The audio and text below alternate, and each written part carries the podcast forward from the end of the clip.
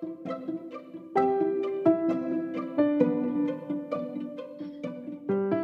how to stop time. Ya benar kan ya itu ya judulnya? Iya. aku pertama aku ambil itu ternyata dari zaman dahulu kala itu buku udah aku ambil di Gramedia digital. Kalau tergoda ada time time tuh biasanya menarik ya. Sebagai ibu-ibu yang selalu kesulitan waktu kupikir ini buku tentang apa gitu ya ternyata isinya keren banget.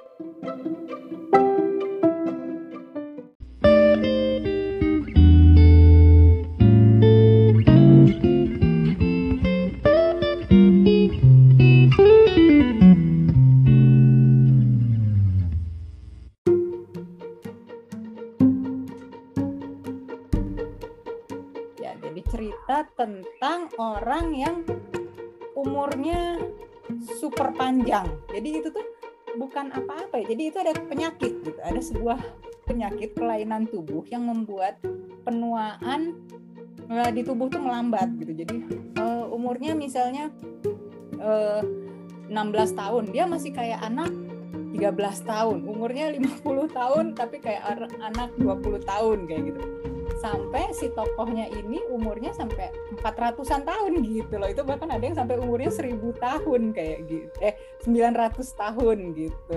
Jadi memang ada orang-orang seperti itu di dunia ini ceritanya. Nah aku tuh sukanya jadi ini bukan cerita fiksi ilmiah atau gimana kan ini cerita biasa gitu kan beda dengan yang gayanya kemarin Neil Sasterman yang di site gitu ya. Itu kan apa distopian gitu kan. Distopian yang orang karena kesehatan karena macam-macam bisa dibuat tidak mati gitu kan tidak. Ini nggak begitu. Orang normal ada gitu. Istilahnya di situ kelompok never ya kalau nggak salah namanya itu. Kalau orang-orang mereka itu namanya lupa ya? Apa ya apa ya apa gitu istilahnya untuk orang-orang yang berumur panjang ini awalnya dia tuh lahirnya si tokohnya ini lahir tahun 1500 1500 sekian. Pada masa itu ya nggak ngerti gitu ya nggak ngerti bahwa ada yang kayak gitu. Cuma orang-orang tuh mulai curiga karena dia ini umurnya sudah 18 tahun. Apa ya istilahnya itu nama kelom nama orang-orang yang kayak begitu gitu ya? Oh, dia tuh umurnya udah tua eh udah 18 tahun tapi kok badannya tuh masih kayak 13 tahun. Nah, di situ tuh orang tetangga-tetangga ini mulai curiga dan menganggap ibunya penyihir. Nah, ya namanya zaman kayak gitu ya. Nah, di situlah ibunya terus kejadiannya disiksa. Ibunya tuh akhirnya ditenggelamkan. Dibilang gini, kalau ibu kamu mati gitu ya, kamu boleh bebas. Tapi kalau ibu kamu uh, hidup, berarti penyihir kalian berdua akan dibunuh. Iya di situ dia ngeliat gitu kan. Ibunya akhirnya ya mening ya ya meninggal gitu kan. Akhirnya dia dilepas ya kebayang traumanya gitu ya. Terus dia pergi. Ini orang Prancis ceritanya dia nih di Prancis terus dia dilepas dia ke Inggris gitu kan. Dia mulai hidup di Inggris di Inggris dia terlunta-lunta gitulah ya. Terus di Nah, kehebatannya si orang-orang ini, mereka tidak bisa sakit. Zaman itu kan ada kena apes lah, kena apalah, penyakit macam-macam gitu. Mereka tuh nggak pernah sakit gitu loh. Badannya tuh emang kuat banget. Terus di kota di Inggris ini mereka dia ketemu sama seorang gadis gitu. Gadis itu umurnya 18 tahun seumur dia gitu. Terus mulai ya jatuh cinta gitu ya. Nah, di sini dia mulai akhirnya menikah sama si gadis ini. Terus mereka berdua punya anak gitu. Tapi orang-orang akhirnya mulai curiga kan bertahun-tahun di situ mulai kelihatan tuh si ceweknya umurnya 40 misal dianya tetap dianya tetap jadi anak kayak belasan tahun gitu mukanya. Di situ orang-orang mulai mencurigai dan dia kembali kayak mau di mau di ya diapa-apain lagi gitu ya disakiti dianggap penyihir lah apalah jadi berusaha lari terus bagaimana dia dan anak-anaknya juga di dibilang tuh keluarga penyihir lah apalah gitu-gitu. Jadi e, masalahnya ini adalah akhirnya dia lari meninggalkan istri dan anaknya. Terus dia diajak di satu nah di situ tuh dia ini yang lucunya itu kan dia dari tahun 1500 ya dia tuh ketemu Shakespeare ketemu itu ketemu siapa? Kapten Cook gitu pokoknya tokoh-tokoh sejarah tuh jadi kayak temennya gitu. Terus apa? Pengarang buku. Kelas Gatsby itu siapa sih? Penulis-penulis terkenal. Penulis terkenal itulah siapa namanya. Nah itu gitu. Ya unik aja gitu kan. Bagaimana kita bisa lihat di belakang. Ya dulu tuh dia temennya gitu. Nah ceritanya itu plotnya dibuat masa tahun 1500-an itu terus ada masa ada pertengahan lah gitu ya. Masalah perjalanan ada nanti ada tahun 1600 1900 sama masa sekarang gitu. Jadi ada tiga tiga momen gitu. Itu selang-seling terus selang-seling terus gitu sepanjang bukunya ini.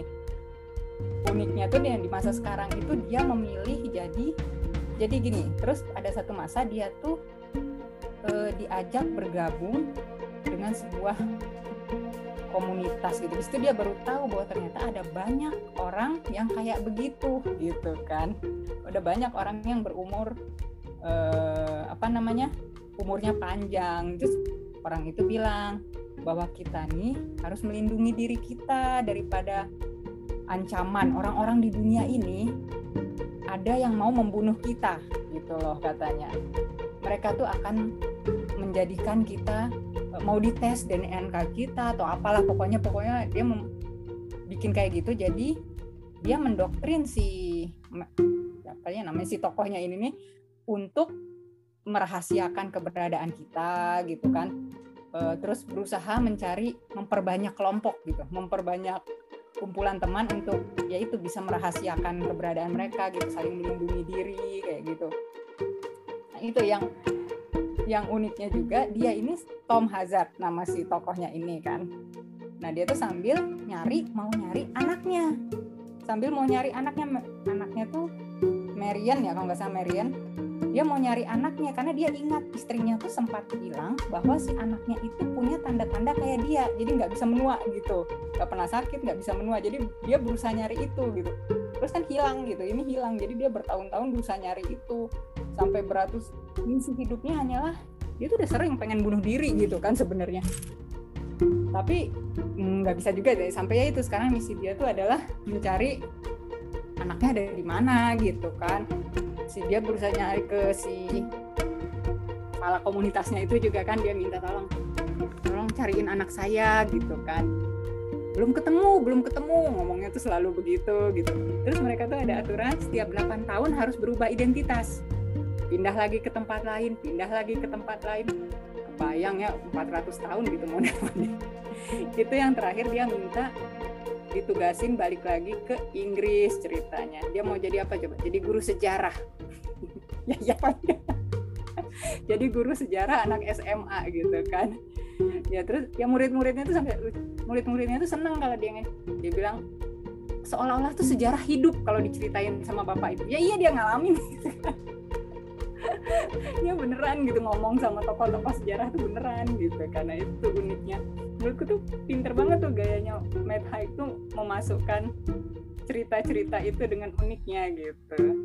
Yang bikin menarik juga uh, jadi gini ya apa ya pesan yang aku dapat dari cerita ini tuh aku sampai takjub gitu ya. Ini tuh sebuah potret banyak kejadian dalam masyarakat kita bagaimana kita tuh didoktrin untuk sesuatu kebayang nggak? Kita didoktrin untuk sesuatu uh, didoktrin untuk sesuatu misalnya kita fobia apa ya? Mungkin uh, inilah aku mungkin yang anggap kayak Islam ya misalnya sekarang ya. Islam tuh kan akan disakiti misal gitu ya atau apalah kita didoktrin untuk kayak begitu. Nah ini sama seperti kayak si grupnya ya si kelompok komunitas si Mad ini gitu kan bahwa orang yang berumur panjang nih akan di dibunuh akan dicari-cari orang gitu. Itu tuh sebenarnya hanya sebuah doktrin yang tidak beralasan gitu loh. Tapi begitu percayanya sampai merusak kepercayaan merusak mental orang gitu loh. Kebayang gak ya? Gimana ya aku tuh bingung bilang pokoknya ya ini tuh kayak masalah ya sama ah, ini kok jangan yang Islam ya kayak yang Amerika itu loh kayak yang di kayak Amerika sangat percaya bahwa Saddam Hussein menyembunyikan apa bom nuklir dulu itu gitu kan. Pokoknya bener lah itu pasti pasti Saddam Hussein tuh menyembunyikan itu gitu. Terus dibombardir gitu si ininya kan si Iraknya. Tahu ujungnya? Nggak ada itu hayalannya orang Amerika aja gitu bisa bisanya dia aja gitu loh nah potret seperti itu sebenarnya yang mau diangkat gitu. Kayak maksudnya kejadian-kejadian gitu banyak gitu dalam masyarakat gitu ya. Betapa mudahnya kita didoktrin gitu untuk sesuatu gitu. Ya itu sih menurutku yang menarik dari dari si buku ini. Kira-kira begitu. Keren teh keren. Setuju. Iya itu pokoknya perlu baca itu bukunya oh iya bilangnya mau di film kan tapi kayaknya belum ada ya filmnya. Apa udah jadi? Aduh kalau ada keren banget. Belum oh, belum keluar kayaknya teh mungkin karena karena kan pandemi ya? mungkin ya. Uh, uh, uh, mungkin ya. Itu idenya. Nah itu bikin aku tuh tertarik sama si Matt Hyde itu. Kok bisa ya bikin cerita ya unik gitu kan. Terus dalam eh ternyata ternyata orangnya memang pernah depresi heboh pantesan bukunya ajaib gitu. Oh bukunya keren-keren banget Matt. Haig. Teteh harus baca yang The Human oh, ya? deh. Nggak ada di Gramedia digital. Yang oh, adanya baru Midnight Library ya? Itu belum aku baca. Midnight Library ya itu juga keren. Masuk. Idenya keren ya. Aku tuh kan baca ya bukunya Matt Haig apa? Reason to Live ya. Itu alasan kenapa Reason to Live ya nah, to Life ya nah itu tuh tentang bagaimana dia depresi. Dari awal tuh sampai setengah buku aku tuh mikir dia depresinya kenapa orang? Dia tuh punya pacar keluarganya baik-baik gitu kan? Kenapa nih orang tuh depresi gitu kan? Tapi bener nah di situ aku tuh bagusnya tuh cara dia mengungkapkan ya gimana? Ternyata ya itu ya depresi tuh bisa menimpa siapa aja gitu kan. Backgroundnya apa aja namanya? Kita diserang sama kecemasan gitu. Nah cara dia menurutku tuh dia sudut pandang yang bagus juga tuh untuk orang-orang depresi selain banyak buku yang lain tuh bukunya Meta itu menurutku bagus gitu. Bagaimana dia sembuh tuh juga dari nulis gitu kan. Dari bagaimana kecem nulis dan baca. Dia bilang tuh setahun tuh obat dia membaca banyak sekali buku gitu. Dia emang suka buku tapi nggak pernah sehebat waktu dia agak puncak depresi itu dia membaca baca banyak gitu. Itu referensinya kerasa banget di tulisan-tulisan itu. Gila luas banget gitu pembahasannya tapi nggak terasa berlebihan gitu. Editornya canggih kayaknya itu sih. Gitu. Gimana dia baca? Nulis gitu nulisnya banyak dan bagus-bagus. Gitu deh